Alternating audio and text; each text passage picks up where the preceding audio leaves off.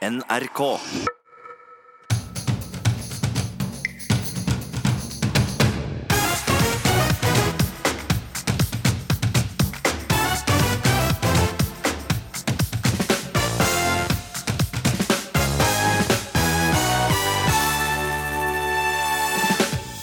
Bjørnebindet med unger skutt under lovlig jakt. Etisk lavmål, mener rovviltforsker. Er det mulig å forene dette?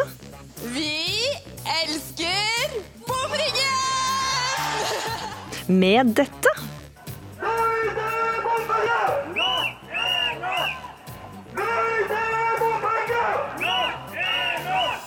I Stavanger har Miljøpartiet De Grønne og Bompengepartiet begynt å flørte, og vi inviterer partene på date.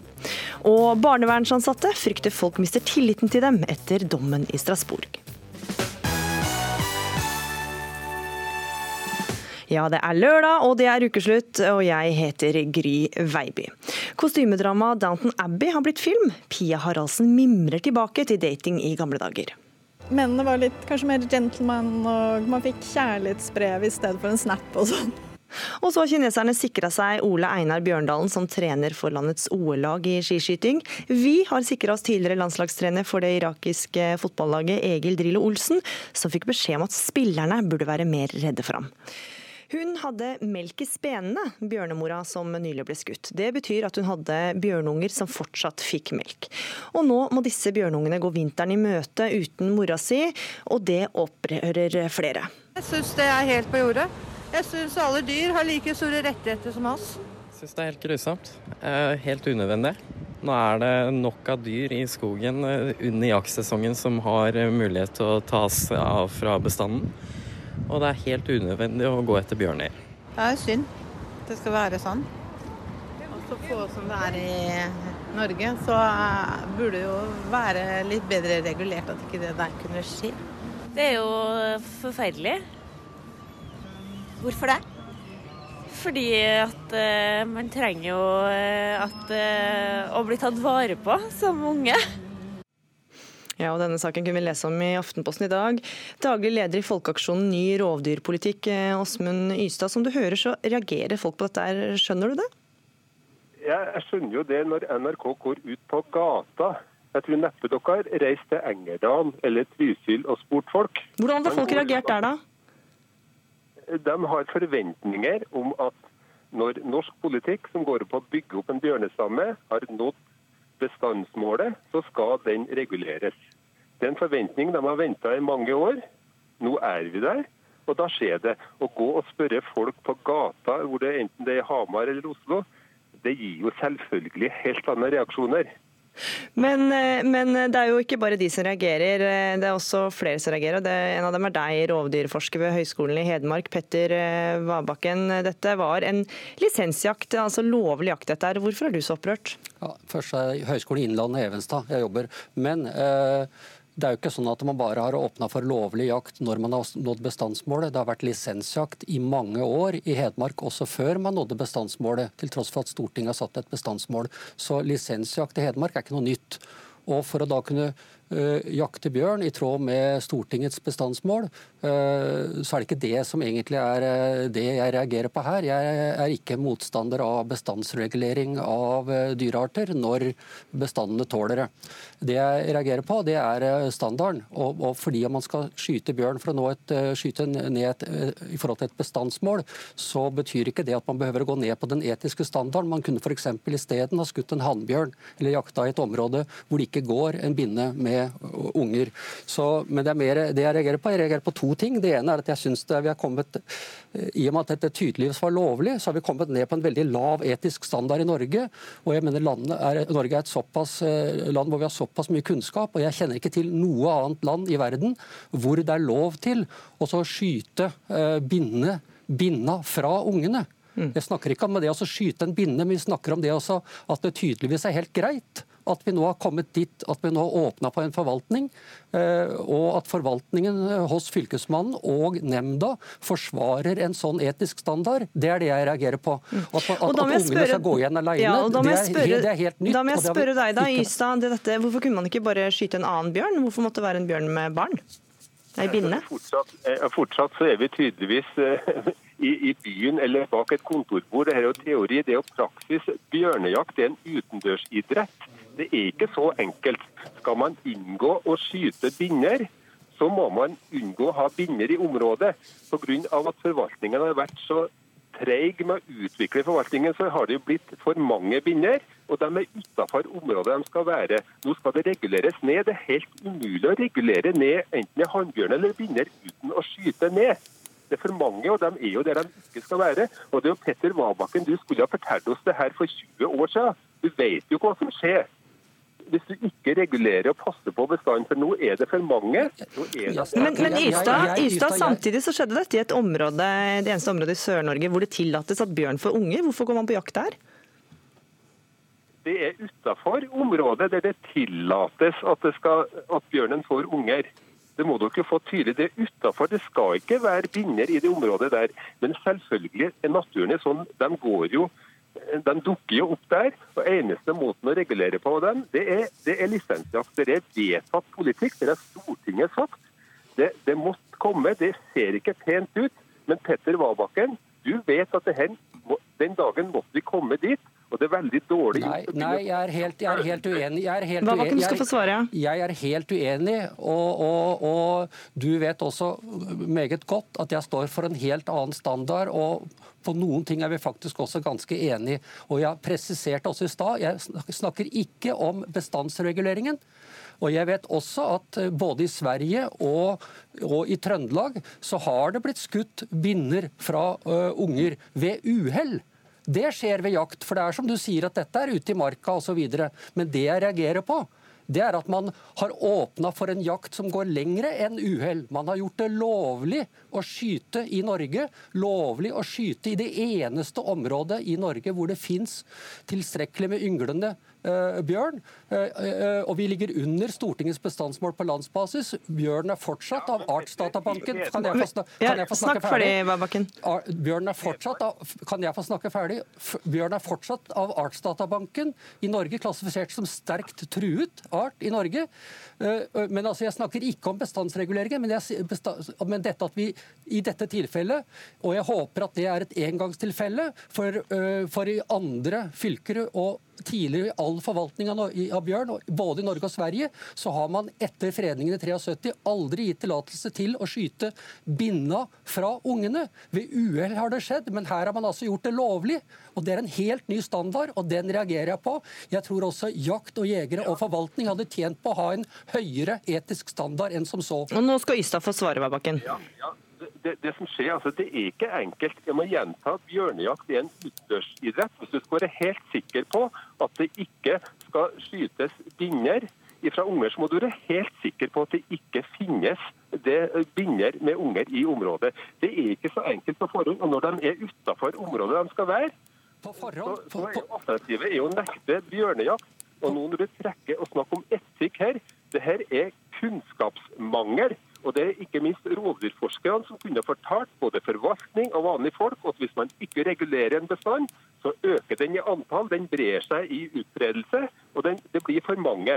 Og Da er det for seint å begynne etterpå. for Hvis du skal jakte på den bjørnebinna, som er et område der det er reindrift, det er store konflikter med det, så må man vente i to-tre år før man tar den ut til ungene er voksne og gått hjemmefra. Og du vet, Petter, sannsynligheten er stor for at ungene Kanskje er de allerede døde på forhånd. De kan dø når som helst. Det er, her, er ikke, her er ikke i laboratoriet. Og da må jeg bare skyte inn, for Vi har vært i kontakt med nemndleder i Hedmark, Arnfinn eh, Nergård, som sier at det som skjedde er sånn som kan skje, men at det skjedde i et område der det er lov å drive lisensjakt, og at den faglige vurderinga er at ungene vil klare seg. Hva tror du om det, Petter Wabakken? Ja, det, det, er jo eh, at den faglige vurderingen altså Det var jo jeg som startet det skandinaviske bjørneprosjektet i sin tid. Var prosjektet for mange år. At nemnda da har den kunnskapen og kan si at de kan klare seg, det er nytt for meg. Og Det er også det andre ankepunktet. Det er denne frykten for kunnskap som man har i mange sammenhenger. Som i de over 40 årene jeg har jobbet med rovdyrforskning, er et gjentagende problem jeg, reagerer også på hvorfor man ikke vil følge opp og ikke benytte anledningen til faktisk å få faktisk kunnskap om et sånt tilfelle. For jeg tror at også at sjansen er veldig stor for at bjørneungene faktisk vil overleve. Men vi har ikke den kunnskapen. Eh, vi har aldri fulgt et sånt tilfelle. Vi har et tilfelle fra Sverige, da jeg var, var prosjektleder, eh, hvor vi oppe i Sarek-området hadde et kull med bjørnunger Eh, som mista mora si, eller som ble forlatt faktisk av mora si, og de klarte da, den ene klarte å overleve. Men, men, men, men, man bestemmer her at dette skal vi heller ikke følge opp. Nå når dette tross alt er noe som interesserer ganske mange, så vedtar man også at, man, at vi vet nok. Men jeg syns vi kunne faktisk ha lært av dette tilfellet, men man frykter kunnskapen. Du skal få svare kort på det, Ystad. Ja, det er forskningsmessig maktspråk, og det er ikke bra. Du vet at det er det er for mange bjørner. Vi skal regulere ned. Altså, det er et veldig positivt tegn at man jakter for det, det, betyr jo at det er nok bjørn i Hedmark. Man har prøvd å øke bestanden. Vi har nok, vi har for mange. Da skal man regulere. Det er en positiv nyhet. Og I stedet for å ta det sånn, så legger du fram det som et stort etisk spørsmål og drar fram alt det negative. Dette er vitenskapelig maktspråk. Og lenger enn dette kommer vi ikke. Åsmund Ystad og Petter Wabakken, takk for at dere var med. Nå er eh, snart eh, saken havner nå hos klima- og miljøvernministeren, som kommer til ukeslutt straks. Ventetida er over. Downton Abbey-fans over hele verden kan nå glede seg over at eh, det britiske kostymedramaet med herskap og tjenere igjen er tilbake. Denne gangen på filmlerretet. The king and queen are coming to Downton. What? Remember to pray for us. I'll put in a word.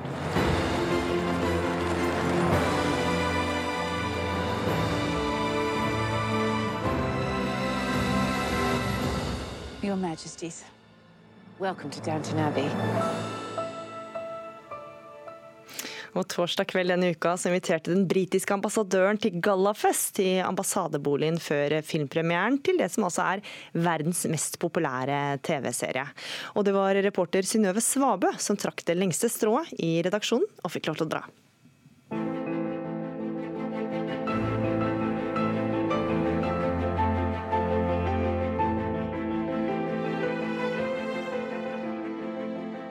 Ambassaden, en murvilla på Oslo vestkant, er som et Grantham-gods i miniatyr. Hvor tiden har stått stille. Omkranset av en nydelig engelsk hage er det nå fylt opp med stivpyntede gjester, blomsteroppsatser, kanapeer, champagne, punch i tekopper og et diskré strykeorkester.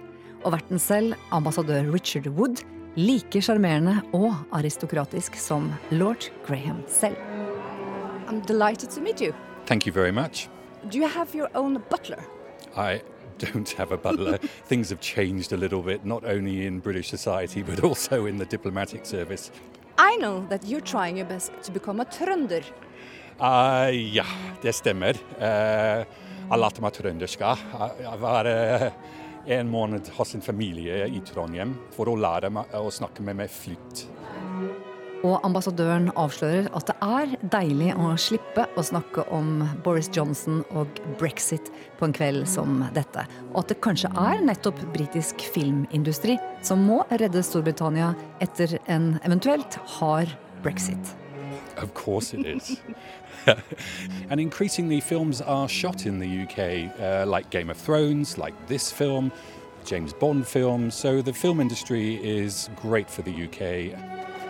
Og i salongene så nippes det til drinker, det konverseres, og kjendisstylist Erlend Elias er til stede for å feire det erkebritiske overklasseliv, som han ser ut til å elske.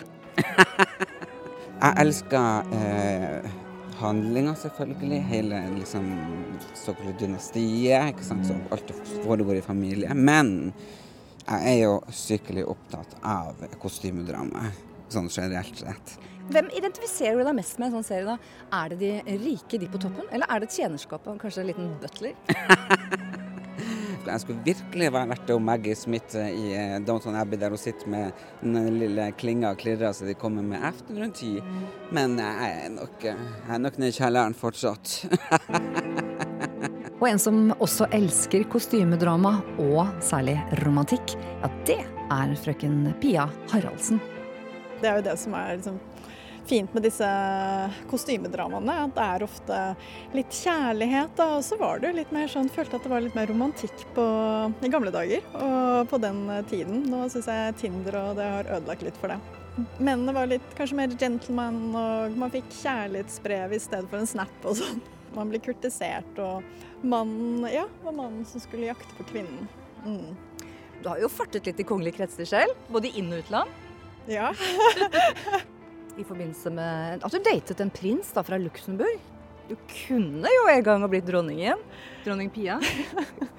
At vi var sammen, at det var sammen med Guillaume og det forholdet vi hadde, er jo en del av, del av min bakgrunn og historie, og alt man opplever er jo Jeg er jo med å gjøre deg til den personen man er i dag.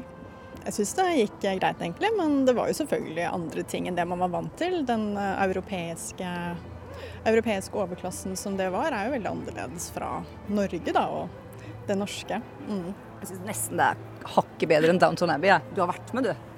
Ikke sant. Jeg håper vi får en, eh, får en liten rolle i kostymedrama en dag. Hvis du skulle valgt herskap eller tjener, hva, hadde du gått for en lord eller en butler? Butler Carson er jo veldig sjarmerende, da. Foruten overdådige kostymer, intriger og drama, så fylles ballsalene i Downton Abbey med ekte ballroom dancing. Noe dommer i Skal vi danse, Trine Dæhlie Kleve, nyter i fulle drag. Eh, Det er jo der det hele startet. Det ekte. Det er veldig deilig å se og kjenne den opprinnelige ballroom-følelsen, altså. Tror du en engelsk vals er bedre i Downton Abbey 1920-1926 enn den er i Skal vi danse, la oss si om neste helg? Den er i hvert fall mer ekte. Hvis man skal telle takten inni seg, engelsk vals Altså, engelsk vals er én, to, tre. Én, to, tre. Tung, lett, lett. Politisk journalist og tidligere korrespondent i London, Espen Aas, han er ikke i tvil om hvorfor Downton Abbey er solgt til over 100 land og elsket av fans verden over. Fordi den handler liksom om alt. Det er typiske klassesamfunnet i Storbritannia som jo har dødd ut i, i nyere tid. Det er en reise tilbake til det, og hvordan det, starten på slutten for klassesamfunnet begynte. Og så er det jo såpeopera, og så er det kostymedrama, og så er det en helt fantastisk eh, casting. Og så er det liksom noe på å se de der herskapshusene, se på innsiden og se hvordan de forholder seg til hverandre, de som er upstairs og de som er downstairs. Ville du vært upstairs eller downstairs? Det er litt sånn Vil du stå og vaske opp, eller vil du sitte i, i biblioteket og, og kose deg med en snadde og et glass whisky? Man vil jo være upstairs, selvfølgelig. Og tilbake hos ambassadør Richard Wood forsøker jeg selvsagt helt til slutt å få ut noen pikante avsløringer for ukesluttslyttere. lyttere. Mr. Ambassador, kong George 5. og dronning Mary de besøker altså eh, Grantham og eh, familien i Downton Abbey i filmen. Er det noen mulighet for at Meghan Markle vil komme til ambassaden? Not tonight, maybe, um, but we do have members of the royal family visiting Norway because of the close links. Yeah. In fact, King George V from the movie uh, was the brother of Queen Maud of uh, Norway. So there is a special link between uh, the film and the families and Norway. Thank you for reminding us and have a nice weekend. Thank you so much. Ja, Det er altså kong George 5. som besøker Downton Abbey, broren til Norges dronning Maud. Så da har vi den norske linken der, altså. Og filmen har premiere over hele landet denne helga. Reporter var Synnøve Svabø. Ja, du hører på Ukeslutt eh, her i NRK. Etter fire år med en narkoman datter endte Ane Ram med å kjøpe heroin til henne. Og så skjønner jeg at det virker helt absurd at en mor sitter da og tar seg et barn som kan sette heroin, men det er et eller annet bare med at eh, som mor og som, så tror jeg man gjør det man må gjøre. Og prinsesse Ingrid Alexandras konfirmasjonsgave fra folket var et naturreservat døpt om til Prinsesseåsen. De burde heller gitt et hest, sier navnegransker, som mener det var hærverk å døpe om stedet. Et slag i ansiktet på den norske regjering, sa Trude til Dagbladet da hun skjønte at Norge ble felt i Den europeiske menneskerettighetsdomstolen for eh, tvangsadopsjon. Nå er kampen ferdig. Nå hjelper vi mange andre også. tenk på mange som nå får push. Nå skal de få søre flagre hjemme i Norge. All the way, altså. Og Hva tror dere dette betyr for muligheten for eh, å møte sønnen din igjen? Nå skal vi tvinge dem til at den, må møtes. Nå kan de ikke gå imot noe, for nå har jeg knust dem sønder og sammen. Det er ikke snakk om, det er snakk når. Når du skal treffe sønnen. Trude fikk nemlig medhold i at eh, det norske barnevernet krenka retten til familieliv da de tvangsadopterte bort sønnen hennes. Nå venter 20 andre saker om norsk barnevern som er oppe til behandling i nettopp Den europeiske menneskerettighetsdomstolen. Og Mats Andenes, du er professor ved Det juridiske fakultet ved Universitetet i Oslo. Du var i mange år en av FNs spesialrapportører på menneskeretter. Hva, hva betyr denne dommen for Trude? Vil hun kunne få treffe sønnen sin igjen? Ja, det, det, må vi jo håpe. Eh, det er jo noe av det første som må eh, vurderes. Det, det er ikke noen enkel sak, for han er jo eh, adoptert bort og lever i en annen familie. Guttens egne ønsker må legges vekt på. Det er ikke slik at adopsjonen er opphevet. Regjeringsadvokaten har allerede gjort det klart, og det er for så vidt riktig. Mor og sønn har vært utsatt for alvorlige overgrep, og jeg skjønner jo da at det er ikke stor trøst i at vi diskuterer hva vi kan gjøre for at slik ikke skal skje i fremtiden. Men det, det er nok det eneste jeg kan, jeg kan bidra med. Hva, hva, gikk galt, og, og hva kan vi lære av det. Men, men, men, den situasjonen viser også hvor viktig det er å unngå slike feil. Både når barnevernet griper inn eller unnlater å gripe inn, så får det store konsekvenser. Mm. Men akkurat hva som vil skje i denne saken er eh, vanskelig å si på dette tidspunktet. Men for å svare på et av spørsmålene du selv eh, stilte, da. Hva er det som har gått galt her? Ja, altså Mammaen ønsket her etter fødselen å bo sammen med foreldrene eh, sine i deres enebolig få hjelp fra, fra, fra sin mor, som, som, på det tidspunktet var under 50 år. Det gikk barnevernet ikke med på, og så eh, gikk da eh, moren og barnet inn på en såkalt utredningsinstitusjon. Eh, og så følte hun seg presset til å gjøre dette, Trude, den gangen. Eh, og fryktet da at alternativet var at barn, barnevernet ville ta barnet fra henne på fødestuen. Og etter en, en, en, en stund eh, på institusjonen sammen med sin mor, så var hun et par uker til, og så ville hun dra. Og da når hun dro, så tok barnevernet barnet. Og hun fikk ikke gutten tilbake. Han ble sendt til fosterforeldre som til slutt fikk adoptere ham. Og, og, Det er der vi nå har denne menneskerettsdomstolen som eh, har gått gjennom saken grundig og naturligvis hørt norske myndigheters syn. De har prosedert som dere, du kan tenke deg grundig på, på, den norske saken slik de ser den. Og de sier at myndighetene, barnevernsmyndighetene her hadde ikke tilstrekkelig beslutningsgrunnlag. Og de tok ikke hensyn til det som kunne tale mot et så inngripende tiltak mot mor og barn. Og, og det var om du vil, tre instanser som feilet her. Det var barnevernet, det var fylkesnemndene som gjør, avgjør tvangsinngrep i barnevernssaker og treffer mange av vedtakene. Og så feilte i siste runde i domstolene som skal kontrollere saksbehandlingen, og at barnevern og nemnder holder seg innenfor loven og anvender den riktig. Og det hadde de altså ikke gjort. Mm. Eh, eh, virkelig ikke gjort. Og, og, og, det kommer klart frem i denne dommen fra mm. Den europeiske menneskerettsdomstolen. Vi skal ta inn en fra barnevernet. Ine Haver, du er fagkonsulent i barnevernstjenesten i Stavanger. Hva, hva tror du denne dommen gjør med tilliten til eh, den jobben dere gjør?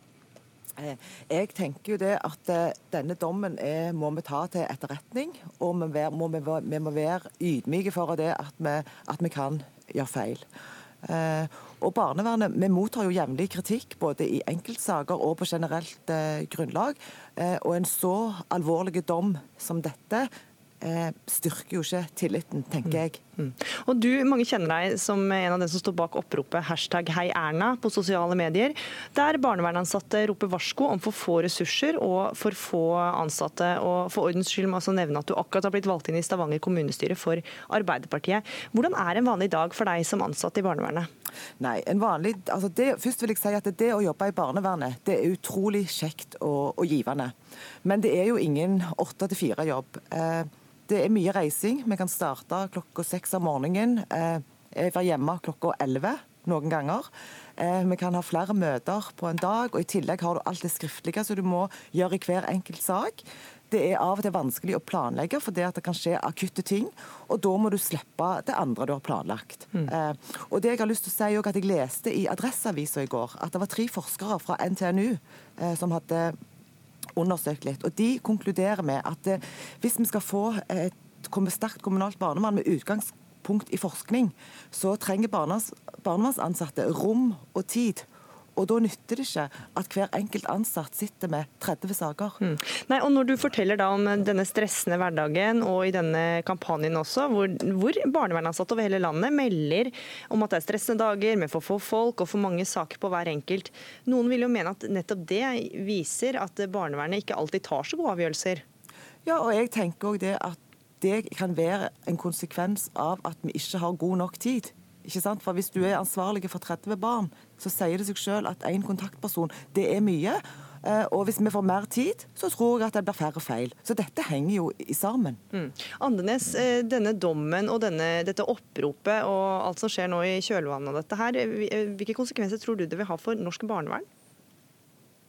Altså Nå er det jo eh, slik at vi hadde lovendringer helt nylig, og vi har en ny lov ute på høring. Eh, det skjer eh, en rekke ting, og spørsmålet blir da nå i første omgang å se hvordan kan man ta inn denne dommen og disse andre sakene og trekke de riktige konsekvensene av det. Og så er det jo viktig at dette ikke blir en, en, en, en debatt eh, for eller mot barnevernet. Det er et spørsmål om hvordan kan det bli bedre. Mm. Og, og resultatet er jo bare én ting. Får man kritikk som dette, så må man jo gi barnevernet større ressurser og, og bedre kompetanse. Og dette med at saksbehandleren som skal avgjøre et hastetiltak kan jo være nyutdannet og ganske, ganske alene. og Denne nemndsbehandlingen som kommer etterpå, med kompetente, erfarne jurister og andre, eh, den, den, må altså bli bedre. Og så dette med at domstolene har en rolle når det gjelder å beskytte menneskerettene til de aller, aller svakeste i samfunnet. og der, der er domstolene rett og slett for dårlige,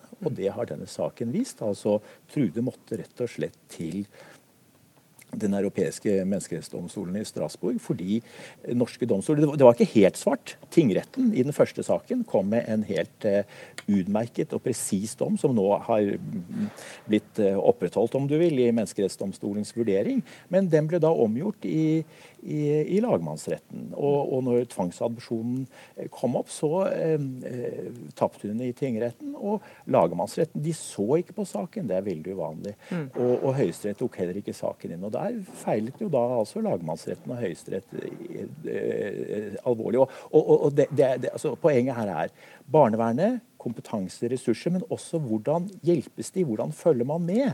Og Der har altså institusjonene rundt, særlig domstolene, men naturligvis også politikken, sviktet barnevernet. Mm. Og, og, og da må jo svaret være nå at man må gå gjennom dette lovarbeidet skikkelig, men også mm. gi ressurser og, og kompetanse. Og, og, da kan jeg bare nevne at barne, Barneminister Ropstad var invitert til denne samtalen og hadde ikke anledning til å delta. Men helt på tampen her, Ine Haver, ja. hva vil du si til dem som opplever barnevernet som enda mer skremmende etter denne dommen? Jeg tenker jo det at Barnevern er jo veldig kompleks, og det er viktig på en måte å, å sette seg inn i altså For de som er redde for barnevern, på en måte å lese på nett, ikke sant? altså på ordentlige sider. Eh, jeg tenker Vi som barnevernstjeneste kan bli enda flinkere på å gi ut informasjon sammen med skoler, barnehager, helsestasjoner. At vi har alle et, et felles samfunnsansvar for å sørge for at barnevernet på en måte, hva vi gjør, hva jobben vår er, når ut til folket på en god måte. Mm. Ine Haver, fagkonsulent i barnevernstjenesten i Stavanger, og Mats Andenes, professor ved Det juridiske fakultet ved Universitetet i Oslo. Takk for at dere var med i Ukeslutt. Og nå venter det altså 20 andre saker om norsk barnevern som er oppe til behandling i Den europeiske menneskerettighetsdomstolen. Takk for at dere var med. Nesten en uke siden valget, og mange ulike samarbeidsavtaler begynner å ta form i kommuner fra nord til sør, og ikke minst i vest. For i Stavanger har en del velgere fått seg en overraskelse når de ser hvem som nå vil samarbeide. Vi elsker bomringen!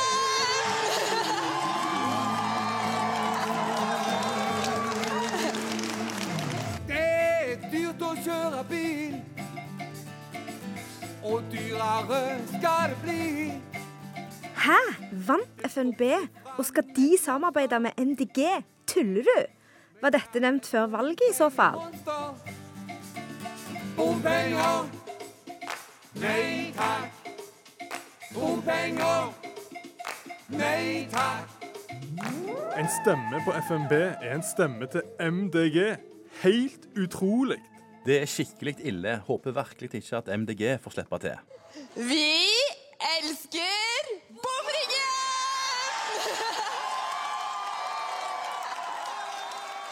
Jeg har hørt noen reaksjonene på Facebook eh, etter at det ble kjent at eh, Folkeaksjonen Nei til mer bompenger og Miljøpartiet De Grønne er i forhandlinger om en felles politisk eh, plattform, sammen med Arbeiderpartiet, Rødt, SV og Senterpartiet.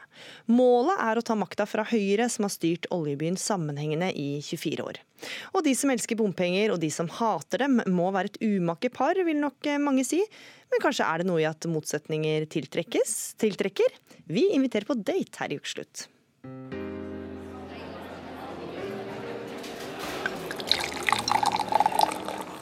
Se for deg en hyggelig restaurant, dempa belysning og hvite duker. Noe godt i glasset. Alt ligger til rette for en hyggelig kveld og en god samtale. Frode Myrhol, partileder i Folkeaksjonen Nei til mer bompenger, ordførerkandidat i Stavanger og fylkesordfører i Rogaland.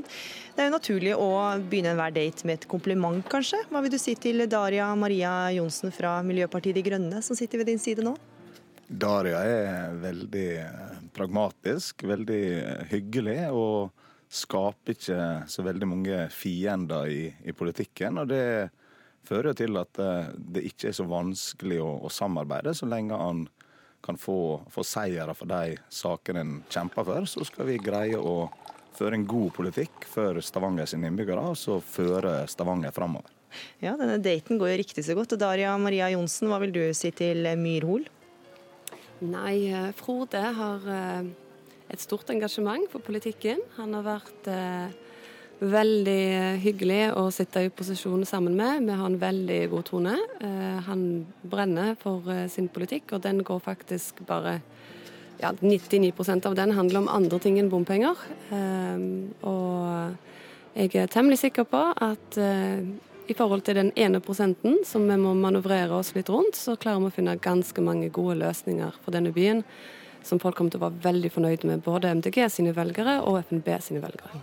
Og nå her ser jeg kelneren komme med drikke og spør skal det være vin eller øl, eh, Frode Myrhol? Nei, jeg tar gjerne et uh, glass uh, Barolo, tenker jeg. Hva med deg, Daria Maria Johnsen? Nei, Det må nok være en kvalitetsprodusert, helst lokalprodusert IPA. Så det er eh, litt ulikt. Og så tallerkenen, da. Blir det biff, fisk eller eh, vegetar å spise? Grunnen til at jeg gikk for den Baroloen, var at jeg så for meg en god, god biff. Eh, så det er en god start på en god date. Hva med deg, Darja? Nei, her kjører vi vegetar, vet du. Så uh, vegetar og ypa hører fint sammen, det òg. Så du også tenkte hva som hørte sammen her. Og så er jo daten begynner å gå mot slutten her. Hvordan skal vi komme oss hjem? Skal vi kjøre bil, eller skal vi ta buss, eller skal vi sykle, Darja? Jeg syns jo det er ganske romantisk hvis at Frode sykler og jeg sitter bakpå. Hva med deg, Frode, er du med på det? Ja, altså Hvis daten, daten går bra, så foreslår jeg å ta en felles taxi hjem, tenker jeg. Men eh, det er jo alt etter hvor det går. Det må i så fall være miljøtaxi da, Frode? Ja, miljøtaxi er helt greit. En eltaxi. Men eh, for å snakke litt om realiteten her, da. Frode Myrhol fra Bompengepartiet. Vi hørte jo sinte velgere her tidligere som føler seg snytt fordi du samarbeider til venstre, og ikke minst med hovedfienden Miljøpartiet De Grønne. Og vi hører jo det er jo riktig god tone mellom dere.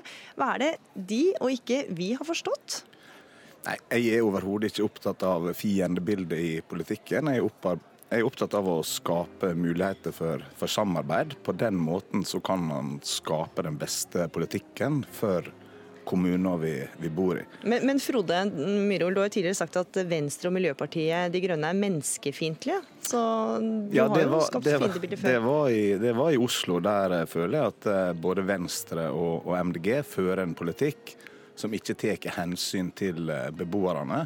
Oslo har et fantastisk eh, kollektivsystem. Eh, så de bomringene som har blitt satt opp der, de føler jeg er ganske unødvendige. Og prisene er også alt, altfor høye. Og gjelder ikke helt for Stavanger. Jeg må spørre deg og Daria Maria Johnsen fra Miljøpartiet De Grønne. Riktig hyggelig her, men du skjønner vel at alle som har hørt Lan Marie Berg rope at hun elsker bompenger, stusser litt over at du er sammen med samarbeidere med en som hater bompenger? Ja, altså jeg skjønner at veldig mange ser på lokalpolitikk fra en nasjonal boble. Eh, det både meg og Frode må gjenta ofte, er at vi er i Stavanger, vi er ikke i Oslo. Og vi, dette handler om MDG i Stavanger og FNB i Stavanger. Og jeg tror nok at hvis folk hadde lest f.eks.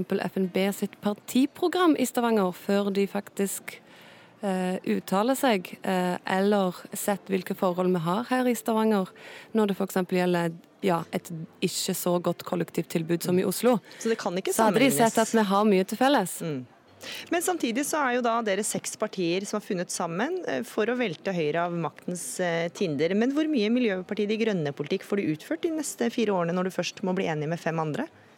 Det, altså, vi hadde jo eh, seks hovedkrav, og det ene av de var et kan du kalle ultimatum. og Det var nettopp at klima- og miljøplanen med 80% kutt i klimagassutslipp innen 2030 skulle ligge fast. Og vi skulle ha et klimaregnskap og et klimabudsjett. Det var det aller viktigste for oss, at klimapolitikken blir hovedprioritet. Og du kan jo si at vi hadde jo ikke sittet i forhandlinger så mange dager hvis det så ut til å falle.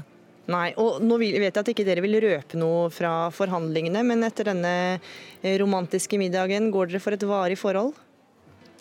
Et varig forhold, det vet man aldri. Ting kan endre seg fort i, i politikken. Det kan de gjøre i, i forhold også. Jeg har hatt veldig mange samboerforhold som har vart ca. I, i fire år, så det kan jo, kan jo kanskje tyde på at dette her kanskje varer fire år. Men hvis vi får et veldig godt samarbeid, så kan jo man håpe at det varer mye lenger. Hvis vi får dette her til, så vil det være veldig godt for Stavanger, og da vil det sikkert være godt for både FNB og MDG sine velgere. Det er jo bare å ønske dere lykke til. Takk for at dere var med på denne daten. Og nå må vi ta inn en siste person. Fra, for inn fra sida her så kommer observatør Harald Birkevold, kommentator i Stavanger Aftenblad. Det virker jo nesten som om Stavanger er en egen plan planet når man hører dette. her. Hva er det som gjør at eh, Bompengepartiet og Miljøpartiet De Grønne finner sammen? Nei, det er vel at eh, som, som Daria nettopp sa, så gjelder det på en måte å følge litt med på de lokale forholdene. Fordi det er vanskelig å forstå dynamikken i Stavanger-politikken hvis du ser på den med Oslo-briller, eller for den saks skyld Bergens-briller. Eh, Men jeg, jeg merker meg òg at når, når Lan Marie Berg står på talerstolen litt sånn oppglødd eh, i seiersrusen og, og roper at hun elsker bomringen, så, så snakker hun som om bomringen er et mål i seg sjøl. Altså, bomringer er jo bare et virkemiddel for å oppnå et eller annet eh, klimamål eller et trafikkmål. Mm. Um, og, og Det tror jeg jeg skjønner veldig godt at det provoserer. Uh, og en sånn uttalelse, den, den, For meg så setter den um, dette her i relieff. For det, at, eh, det virker nesten som en sånn bevisst provokasjon. Eh, hun vet jo veldig godt eh, hva slags reaksjoner dette her vil, vil eh, føre til. Men, men for å snakke om Stavanger, så, så er det akkurat som, som Daria sa. Har nå bompengepartiet, FNB, har satt i bystyret i fire år. De kom jo inn med tre personer i eh, 2015.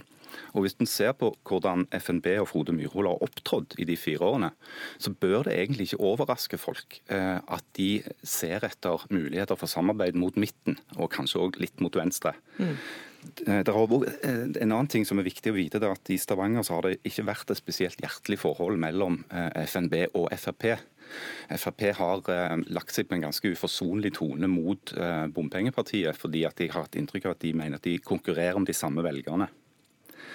En annen ting som det er verdt å merke seg, det er at eh, det som skjer i Stavanger nå, kanskje kan være et eksempel til etterfølgelse for andre byer. For det at her snakker vi om å finne brede kompromisser, samarbeid, som gjør det mulig å komme videre. Istedenfor å stå på hver sin tue og bare rope ut slagord, så gjelder det jo å prøve å meisle ut en politikk som faktisk kan fungere. Mm, så du mener altså det er mulig da, å forene eh, hårete klimamålene til Miljøpartiet De Grønne med Bompengepartiet, som ønsker å kjøre som før? Eh, Ja, jeg vet ikke hvor du har det fra at bompengepartiet ønsker å kjøre som før.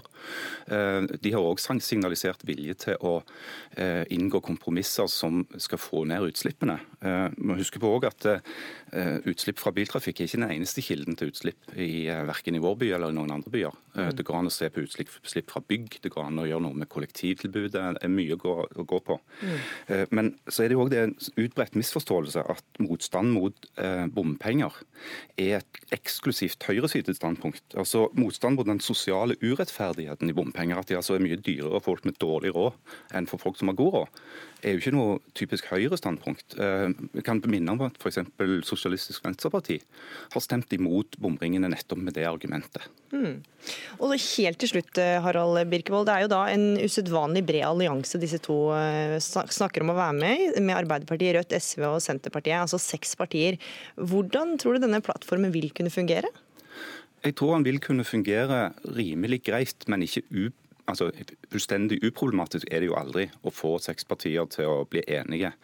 Men når først enigheten er der, når det er lagd en plattform, så vil jo den være styrende for hvordan de partiene har mulighet til å opptre i den perioden avtalen gjelder for.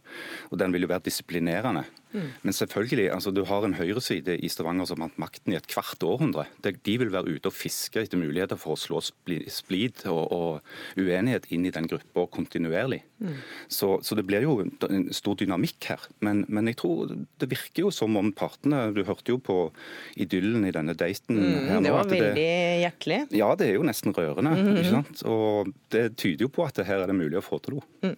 Du, takk for dette innblikket i politikken i Stavanger. Harald Birkevold, kommentator i Stavanger Aftenblad. Og da har vi fått eh, besøk her i studio. Anders Borgen Wæring, høststormene begynner å gjøre seg gjeldende? Ja, vi er jo ikke uvant med uvær her i landet, spesielt ikke på denne årstiden. Men eh, nå er det altså sendt ut ekstremvarsel fra Meteorologisk institutt og Norges vassdrags- og energidirektorat igjen. I første omgang så er det Vestlandet som må belage seg på mye vær. Det ventes opp mot 100 mm regn og kraftig vind. Eh, det er eh, flere steder på Vestlandet altså de nærmeste døgnene, noe som kan utløse jordskred og flom. Apropos vind, i Agder og Telemark så er det fare for å blåse bort fra i morgen formiddag. Det meldes om vind eh, opptil 20 meter per sekund, og det er nesten storm, det. Og så er Ocean Viking et stikkord i nyhetene i dag også? Ja, Det er det norske redningsskipet som patruljerer i Middelhavet og som har plukket opp båtflyktninger og migranter. Skipet har blitt nektet å legge til havn i Italia fordi myndighetene ikke har villet ta imot flere migranter. Men nå har de plutselig fått eh, klarsignal til å legge til. Ja, og Hva skyldes det? Italia har skiftet regjering flere ganger enn de fleste andre europeiske land, og nå har de gjort det igjen. Og Den nye regjeringen viser seg å være litt mer vennlig innstilt enn den forrige. Og De har altså da gitt Ocean Viking tillatelse til å legge til havn på Lampedusa, ei italiensk øy rett utenfor kysten. Og Om bord på skipet så er det 82 personer som er reddet i Middelhavet. Ja, Takk for den nyhetsoppdateringen, Anders Borgen Werring. Så velkommen hit, eh, miljøminister Ola Elvestuen. Jo, takk. Du skal straks få debattere prinsesseåsen her i sendinga. Men først så skal vi til en debatt vi hadde litt tidligere mellom rovdyrforsker Petter Wabakken og Åsmund Ystad, daglig leder i Folkeaksjonen ny rovdyrpolitikk, om denne binna som ble skutt. Bare hør her.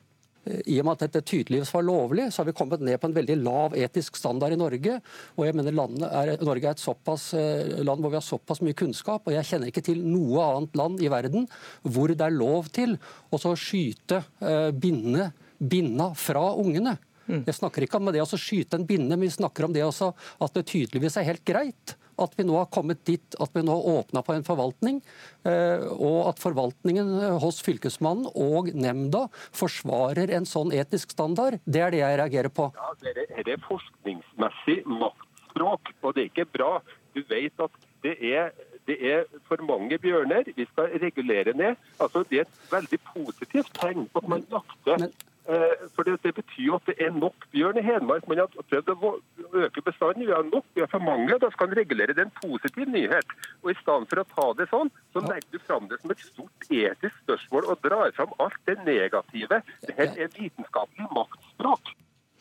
Ja, Ola Elvestuen. altså Bjørnebinne med unger, altså skutt under lovlig jakt. Lav etisk standard, hørte vi her eh, rovdyrforsker Petter Wabakken eh, si. Hva sier du til det? Nei, nå er jo en, eh, Vi må ha en eh, rovviltforvaltning og bjørneforvaltning. Det er ingen tvil om at bestanden i Norge er for lav.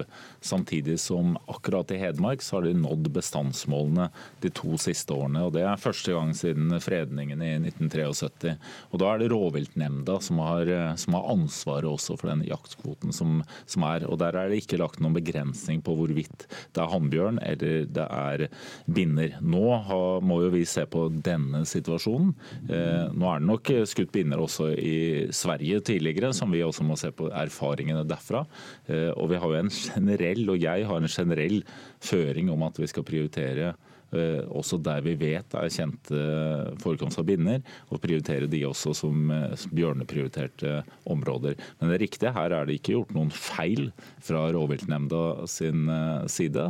Men nå har jeg nettopp fått et spørsmål fra Stortinget, og så får vi se på hvordan vi skal, hvordan vi skal svare opp det nå de nærmeste dagene. Men hva sier du til at det er lav etisk standard å ta en binne som har barn? Nå må vi se på det. Dette er to spørsmål. Det ene er jo det som går på forvaltning av bestanden. Der trenger vi å ta bedre vare på binner i Norge, fordi vi, vi, trenger å komme opp på det bestandsmålet som vi har, med 13 ynglinger i året.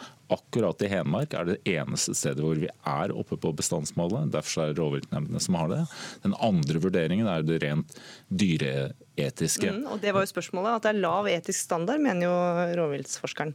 Ja, nå mener vi jo at eh, de, hvis det er unger det vet vi jo ikke. At de også vil klare seg gjennom eh, vinteren. Men det er jo nettopp denne diskusjonen vi også må se på. Om regelverket da skal, skal tilpasses.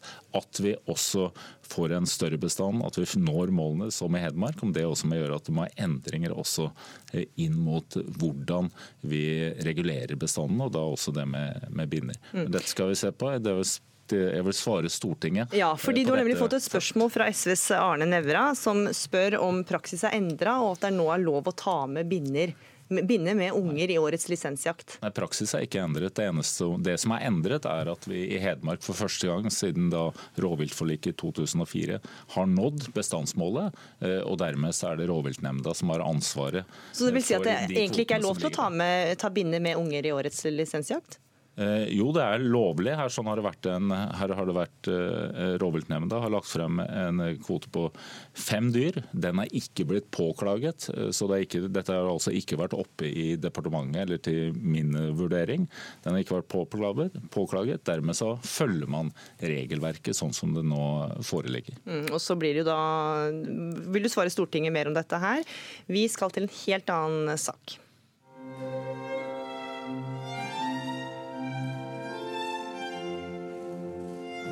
Herre, gjør meg til redskap for din fred. La meg bringe kjærlighet der hatet rår. La meg bringe forlatelse der urett er begått. La meg skape enighet der uenighet er begått. Ja, det vanka gaver fra både fjern og nær da prinsesse Ingrid Alexandra trådte inn i de voksnes rekker da hun konfirmerte seg nylig. På gavebordet lå alt fra vakre, smyk eh, vakre smykker, turutstyr til Ibsens samlede verker. Og fra folket, et kunstverk som er malt av den norske kunstneren Tyra Tingleff, og et naturreservat som døpes om til Prinsesseåsen i anledning konfirmasjonen. Og navnegransker eh, Frode Korslund, eh, du skrev et innlegg i Aftenposten der du forteller at du rett og slett ble forbanna da du skjønte at dette var gaven Jeg skrev ikke det innlegget, men jeg sa det kanskje i, i telefonen med deg. du skrev i hvert fall et innlegg og ble forbanna da du skjønte at dette var gaven regjeringa ga på vegne av folket. Jeg blir irritert, ja. ja. Hvorfor det? Ja, For det første så er det et lovbrudd. Vi har en lov om stadnavn. Og den er jo alle forpliktet til å følge, inklusiv regjeringen. Aller mest regjeringen, vil jeg si, faktisk. Og der står det i paragraf 1, formålsparagrafen, formålet med denne lova er å ta vare på stadnavna som språklige kulturminne. Og medverke til, medverke til kjennskap til og aktiv bruk av navna. Så, og Hengsåsen er et gammelt, det er sannsynligvis, det er første gangen jeg har sett det på et kart, det er fra 1862. Eh, det er sannsynligvis mye eldre, flere hundre år gammelt stedsnavn. og Man kan ikke bare bytte ut det uten videre. Det er et mm. lovbrudd, rett og slett. Mm. Ja, og En av de som var med på dette navnvalget, det var deg, eh, Ola Elvestuen. Hvor grundig research gjorde dere før dere valgte navn og sted? Men vi har jo heller ikke gjort dette. Hengsåsen heter Hengsåsen nå som det den har gjort tidligere. Det som har endret navn, det er Naturreservatet. Så naturreservatet som omfatter Hengsåsen, heter nå Prinsesseåsen naturreservat. Det er altså ingen endringer i forhold kalte det historiske navnet, som, som har vært der tidligere. Så jeg klarer ikke helt å se hvorfor dette skulle være noe kritikkverdig i det hele tatt. Jeg vil heller si at det er, det er bra at man gir da en gave som er knytta opp mot naturvern, også til en prinsesse som helt opplagt er opptatt av naturvern og ivareta de verdiene som det gir. Ja, for Korslund, Man kan jo da kunne si at Prinsesseåsen naturreservat ligger i Hengsåsen på Bygdøy, er ikke det formildende? det synes jeg høres veldig rart ut. Eh, hadde kalt det Prinsessens naturreservat, da kunne jeg til en viss nød ha skjønt logikken. Men altså, Prinsesseåsen er et stedsnavn, og da er jo spørsmålet hvor ligger Prinsesseåsen? Ja, det ligger, Dette er da Naturreservatet som har fått dette navnet. Om da folk vil bruke Hengsåsen ja, men altså, eller Åsen, Hvor ligger den åsen? Nei, det er, det er, navnet på naturreservatet, og har ikke noen uh, tilknytning til en stedsangivelse utover det. Så det, er, så det, er, altså et navn på et naturreservat, og naturreservat og navn på de, de gis jo fra departementet og regjeringens side. Men Korslund, uh, for dem som ikke er helt inne i navnloven, hvorfor er dette så viktig at man ikke endrer dette navnet, mener du? Det, jeg har jo også hovedfag i arkeologi, jeg har hovedfag både i norsk arkeologi faktisk, og jeg er opptatt av kulturminner, både fysisk fysiske, konkrete, men også immaterielle. Og, og, Det er klart at dette her, altså det står jo altså i formålsparagrafen man skal medverke til kjennskap til og aktiv bruk av navna. Og Hvis man besøker Hengsåsen i dag, så står det skilt på stiene. Og Der står det Hengsåsen naturreservat, hvis det ikke er blitt byttet ut nå. da.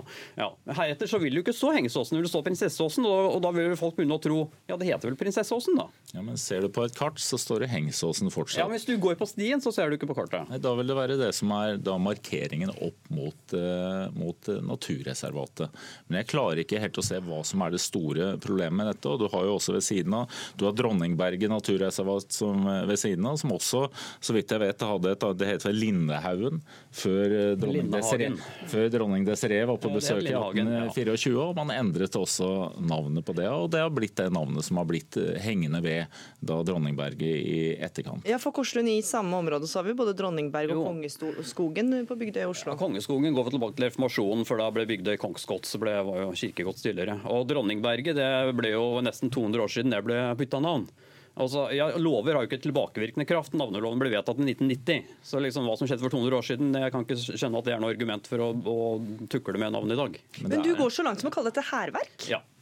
Ja, Hvorfor det? Ja, jeg brukte et eksempel. Altså, Vil man smadre Osebergskipet og bytte det ut med en rosa plastjolle og gi den som en gave til prinsessen? liksom? Men Hengsåsen heter Hengsåsen også i dag. Det eneste stedet du vil se det andre, det er når du omtaler da naturreservatet. Naturreservatet heter ja, Prinsessåsen naturreservat. Men altså, nå har vi jo hatt eh, altså Det første som ble fredet i Norge, var Fokstua. Det var i 1923, nesten 100 år siden. Og Det finnes over 2000 naturreservater i Norge. og disse, så, så vidt jeg vet, at alle er oppkalt etter geografiske lokaliteter og ikke etter personer. Mm. Så her, dette her, her, bryter man jo en hevdvunnen praksis. Mm. Og eh, Elvestuen, også Språkrådet sier at dette bryter med vanlig navngivningspraksis. Ja, og det er jo ikke vanlig å gjøre dette. Dette er jo nettopp gitt og gjort i forbindelse med eh, prinsesse Ingrid Alexandras konfirmasjon. og Det er jo da den grunnen eh, og bakgrunnen for at det er gjort, som en markering av den fra regjeringen og da fra folkets side. Mm. Ja.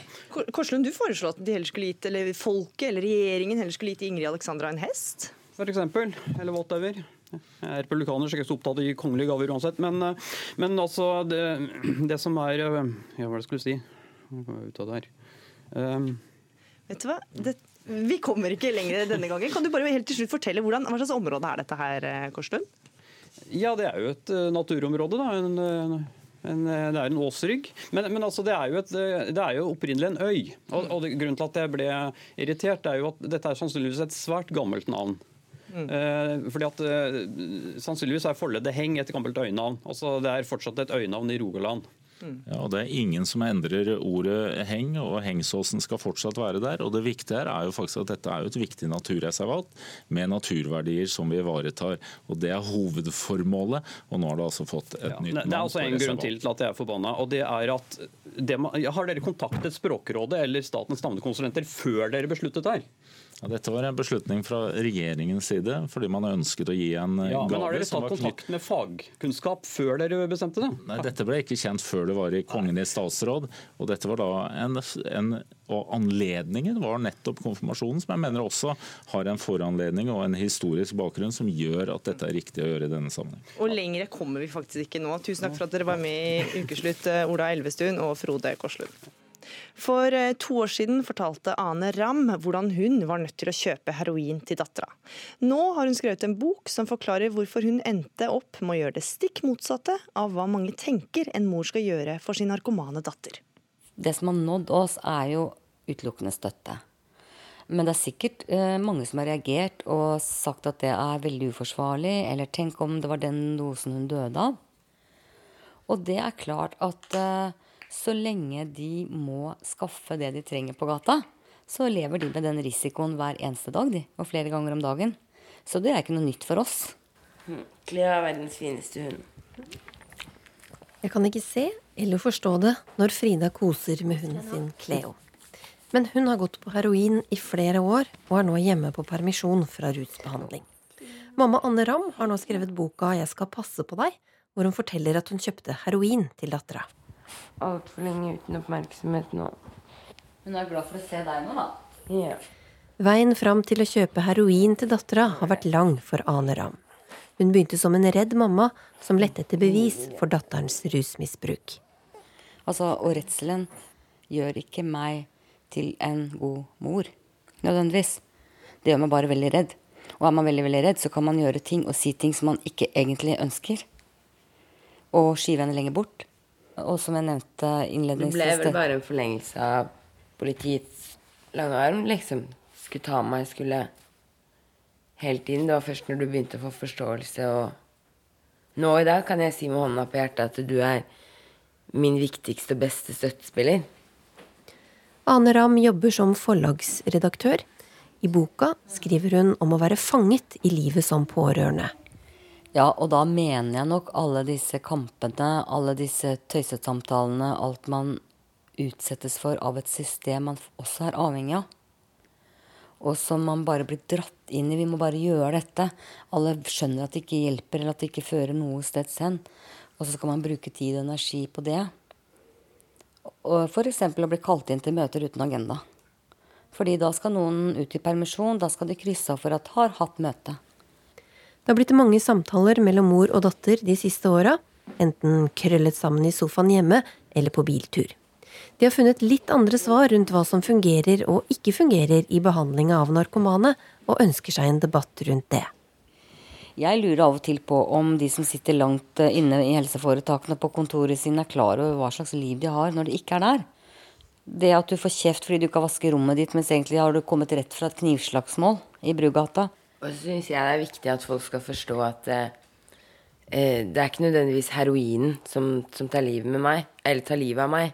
Det er jo livsstilen. Altså alt slitet, alt stresset. Hele tiden snu deg. Jeg, har jeg politi bak meg, eller har jeg gjeld til noen? ikke sant? Det er jo det som tar livet av deg. Det er da du begynner også med uforsvarlig bruk, og bruke mer enn du kanskje egentlig burde. og Torsdag utfordret Ane Ram helseministeren i NRK. Eh, Vi vet i dag for lite om hva er det som virker i rusbehandlingen. og Derfor har vi jo også valgt å ikke satse alt på én behandlingstype, og har et mangfold av behandlingstilbud som òg pasientene kan velge mellom. Rett og slett fordi det ville vært altfor eh, risikabelt å sagt at nå er det bare én behandling som virker, og så tilbyr vi den til alle. På to. Åh. Nei, på to. For to år siden forsøkte Frida å slutte med alle stoffer tvert hjemme hos mamma. På fjerde dagen ble abstinensene og angsten for stor. Og da eh, sa hun eh, bare rett og slett eh, at eh, jeg må ha heroin, mamma. Det er det eneste som hjelper. Hvis ikke du Altså enten så skyter jeg meg i hodet nå, eller så må vi få tak i heroin. Så da kjørte jeg henne til eh, Brugata og ville være med, fordi at jeg var jo redd for at hun kunne komme til å gjøre noe som var enda verre enn det hun nettopp hadde gjort. Så vi ble jo da enige om at eh, jeg skulle gå fort og kjøpe, men jeg var jo både i telefonen med deg, og du var jo også i nærheten.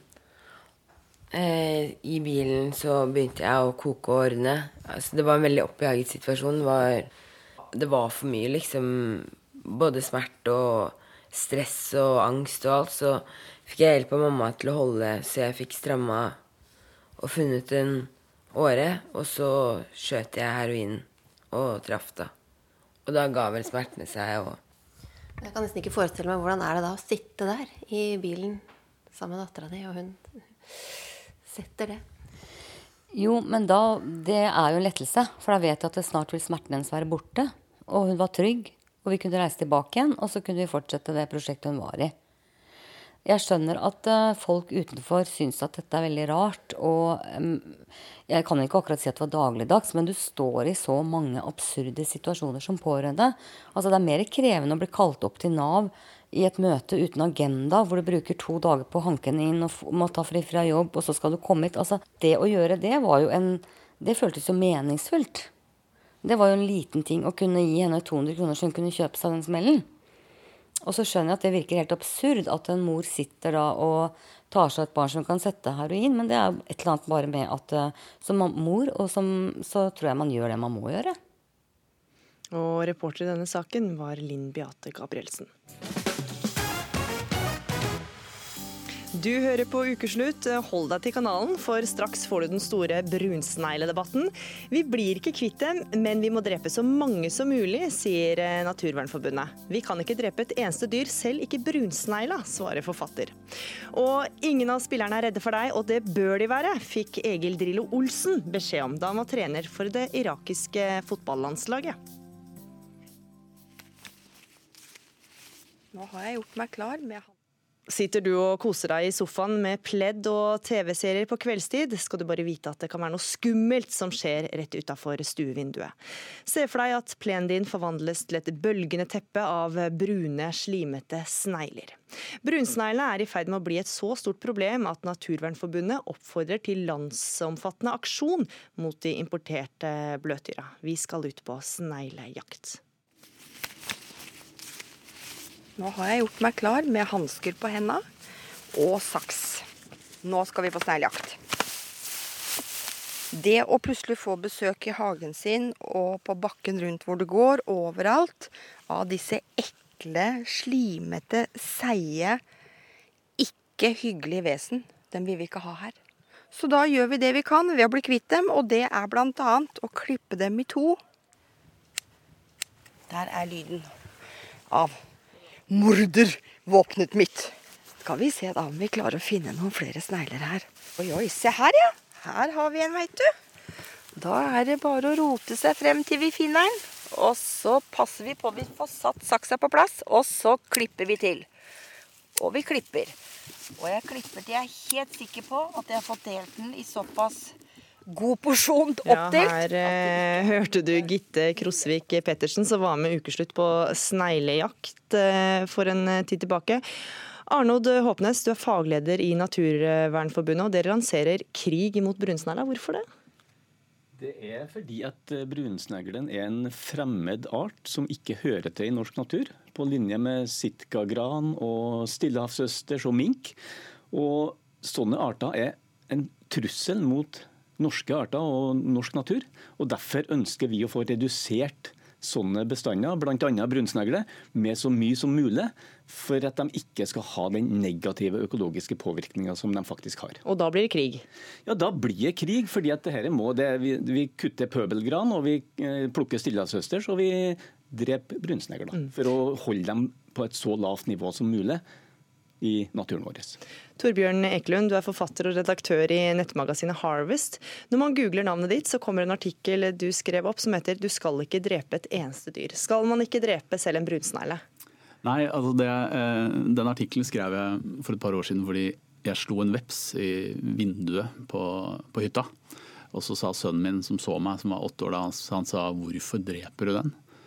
Og så sa jeg 'jeg gjør det fordi den plager meg'. Eh, den har kommet inn i hytta vår, og så svarte han at eh, den prøver jo bare å komme ut. Det er derfor den er i vinduet, den har ikke tenkt å plage deg.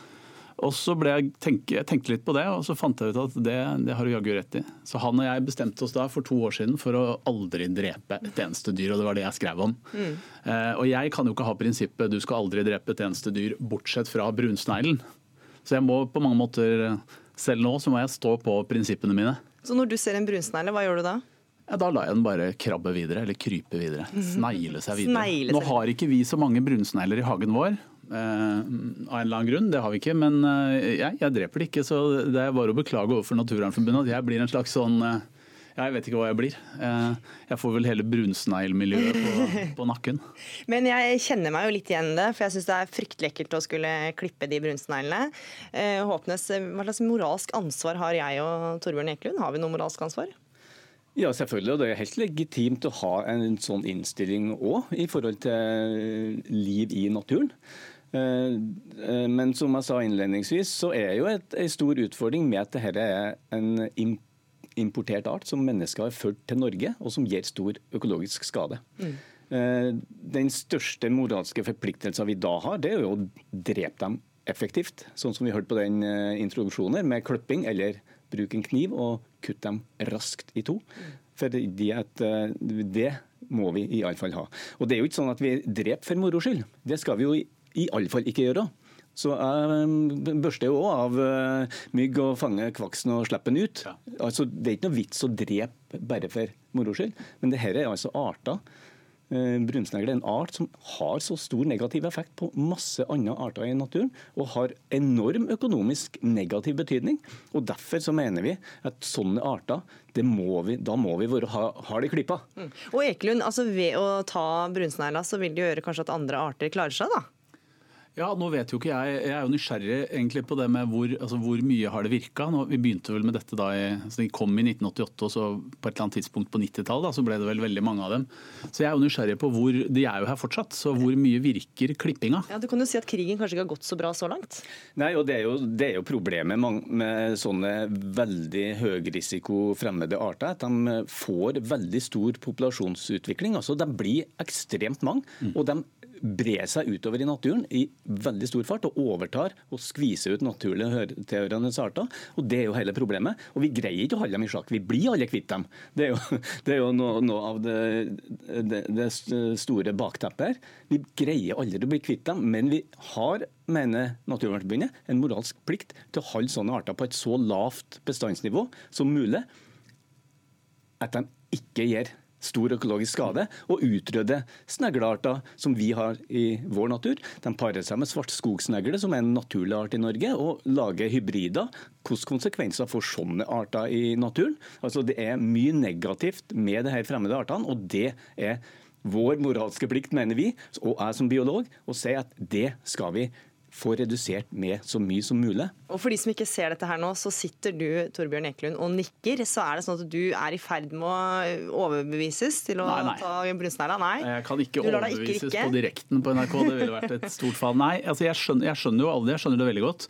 Uh, mitt eh, prinsipp er jo mer sånn av personlig art, og når du først har, har liksom innført det prinsippet, så sitter det veldig langt inne å drepe noe som helst, i- inkludert da brunsnegler. Men så er det jo litt det store eh, moralske ansvaret som vi også snakka om på telefonen, at hvis du får med lapp hjem med ungen din at det er lus i barnehagen, Mm. det er litt som da, da tar du ikke lusa, liksom. Nei, ikke jeg. Det overfører det outsourcer jeg til eh, samboeren min.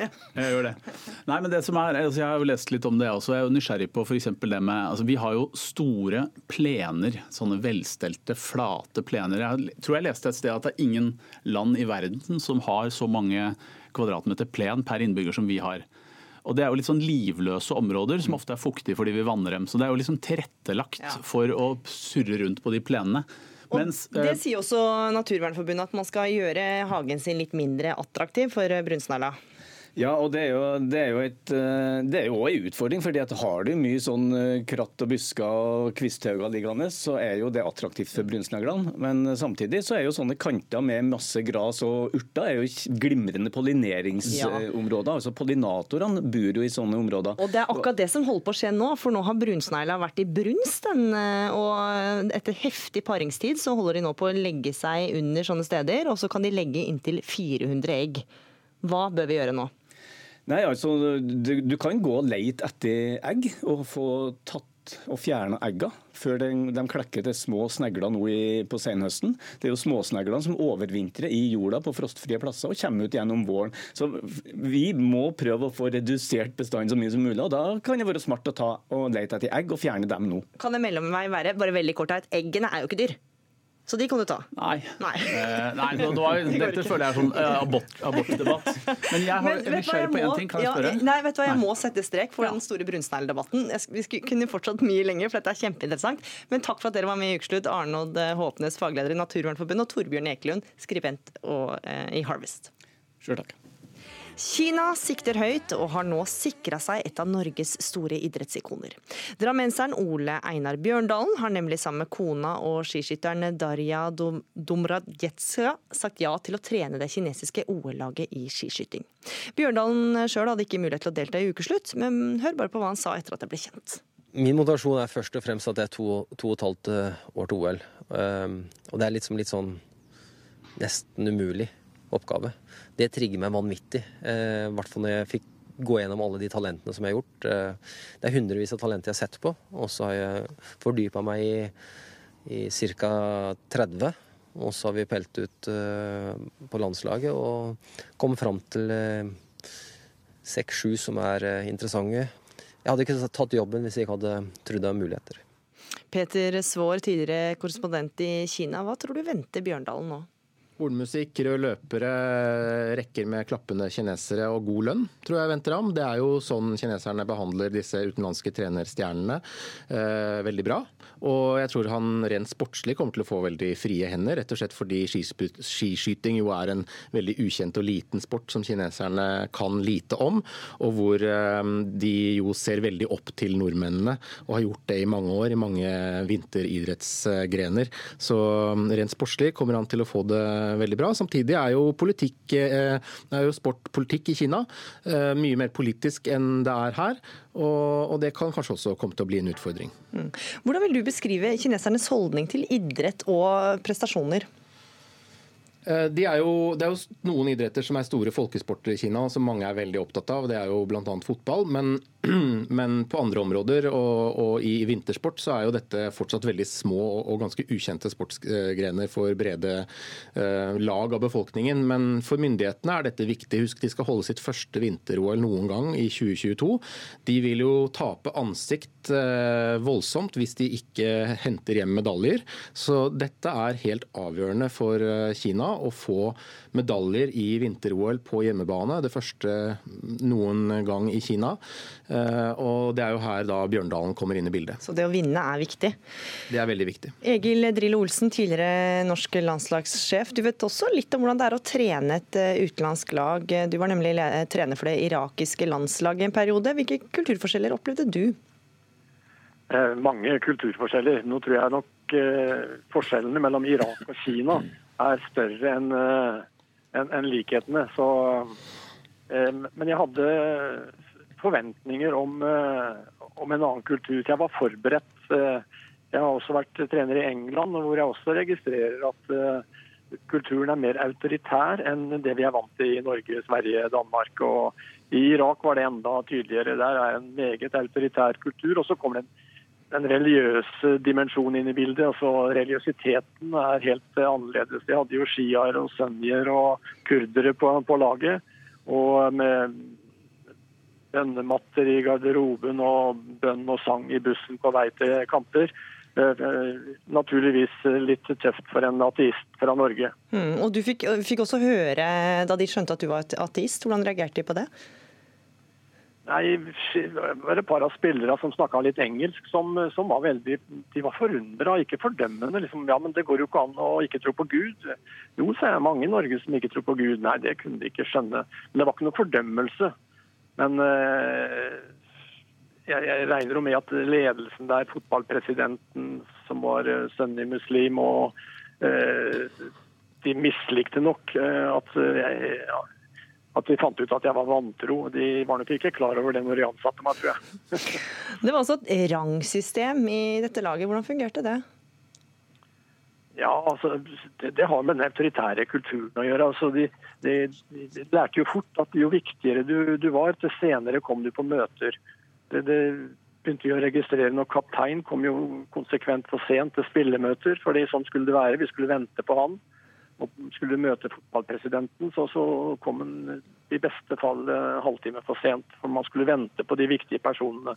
Det er naturligvis veldig uvant for oss her oppe i Norden. Ja, Du fikk også passet påskrevet om at du ikke var skremmende nok eller streng nok. Hva var det som skjedde? Nei, Jeg ble innkalt til presidenten etter et par måneder hvor uh, han så stygt på meg og sa ingen av spillerne er redde for deg, Olsen. Sa han nei, skal de være det, da? sa jeg ja. De er redde for meg, og de skal være redde for deg. da skjønner du at du er i en annen kultur. Jeg prøvde aldri å få spillerne til å bli redde for meg, tvert imot. Så, og det var kanskje ikke så veldig populært, men uh, jeg fikk jo sparken etter hvert, da, uten å ha tapt en kamp. Bare det er jo veldig spesielt, spør du meg. Jeg vet ikke om du finner lignende eksempler i det hele tatt. Så, Nei, for det er kanskje, men, Mange har kanskje glemt Egil Drillo Olsen, at du fikk jo sparken, og så fikk du vite det gjennom mediene. Hva var det som skjedde da? Nei, Det var vel Reuter som gjorde meg oppmerksom på at jeg hadde fått sparken. Og så, så fikk jeg jo ikke lønn og den etterlønna jeg skulle ha, da. Før et par advokater her i Norge gikk til Fifa, og så, så fikk jeg omsider lønna ja, ca. tre år etterpå. Mm. Altså, I Bjørndalens tilfelle så har han fortalt at kineserne har prøvd å tilby ham flere jobber før han falt ned på denne, Egil Drillo Olsen. Hvilke forventninger tror du kineserne har til ham? Nei, han, han, er naturligvis et stort navn innenfor den idretten der. Og han er i en helt annen situasjon enn det, det jeg var. Han uh, kommer til en idrett som er lite utvikla i det landet. Jeg kommer til en fotballnasjon, så det var noe helt annet. Så uh, han kommer til å bli tatt godt uh, vare på og kommer til å få frie tøyler til å, til å, jobbe med det han skal. Det er jeg helt sikker på. Mm. Peter Svaar, denne her, nyheten blir jo mye omtalt her i Norge, men hvordan blir den omtalt i Kina, tror du? Det er nok helt sikkert de som får med seg dette i Kina, og det blir dekket i Kina. Om det er en veldig stor nyhet på kveldsnyhetene, er jeg mer usikker på. Det er jo ikke et veldig stort fokus på vinteridrett generelt i Kina nå. Men, men at det er noen som er interessert i det, åpenbart. Og Kina er jo så stort, sånn at selv sånne nisjeidretter som skiidrett kan jo fort ha noen millioner mennesker som syns at dette er det mest spennende i verden. Og det er jo bare å ønske Bjørndalen lykke til med det. Du intervjua også noen av skitoppene da det var korrespondent. Hva var det som skjedde da? Ja, Det tok jo et par år faktisk før vi fikk ja til å møte dem. Vi måtte søke i flere omganger. Men da vi til slutt fikk reise opp til Heilongjiang, som er nordligste provinsen i Kina, så ble vi møtt av en påpasser, en dame, som fulgte etter oss to skritt bak hele den første opptaksdagen. Det var 20 minusgrader ute. Og Hun filmet alle intervjuene våre med sin egen mobiltelefon og noterte frenetisk hver gang vi stilte noen et spørsmål. På den andre opptaksdagen så tror jeg hun følte at da hadde hun sendt rapporten sin, og da var det også så kaldt ute, så da satt hun mesteparten innendørs og drakk te. Men, men, det var jo helt åpenbart at kineserne også var litt skeptiske og skulle ha kontroll med hvordan vi fremstilte dem i, i norske medier. Var det også noe du merka til, Drillo? At du blir passa på? Nei, det hadde jeg ikke noe følelse av i det hele tatt. Så det, det var fotballen som sto i fokus. Og, men du skal huske på at vi var jo aldri i Irak.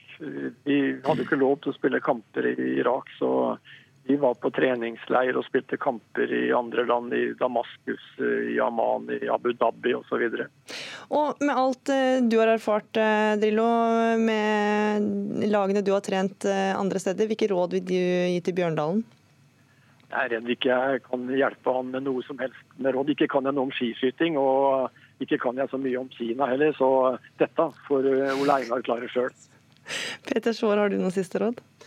Prøv å bygge et liv, vil jeg si. Fordi han, nå det, tror jeg det er bra at han tar med seg kona, men ellers så tror jeg det er lett å bli litt ensom i et land og i en kultur hvor det ikke er mange som snakker engelsk, og hvor det meste er fremmed, maten er annerledes og, og mye annet er annerledes. Og selv om du har et apparat rundt deg, så, så, tror jeg det kan være kanskje lett å bli litt ensom hvis ikke du passer på å få deg noen, noen, et nettverk rundt deg. Du snakker kanskje av erfaring, Peter Svaar. Gode råd på tampen der altså. Takk for at dere var med, Egil Drillo Olsen og Peter Svaar.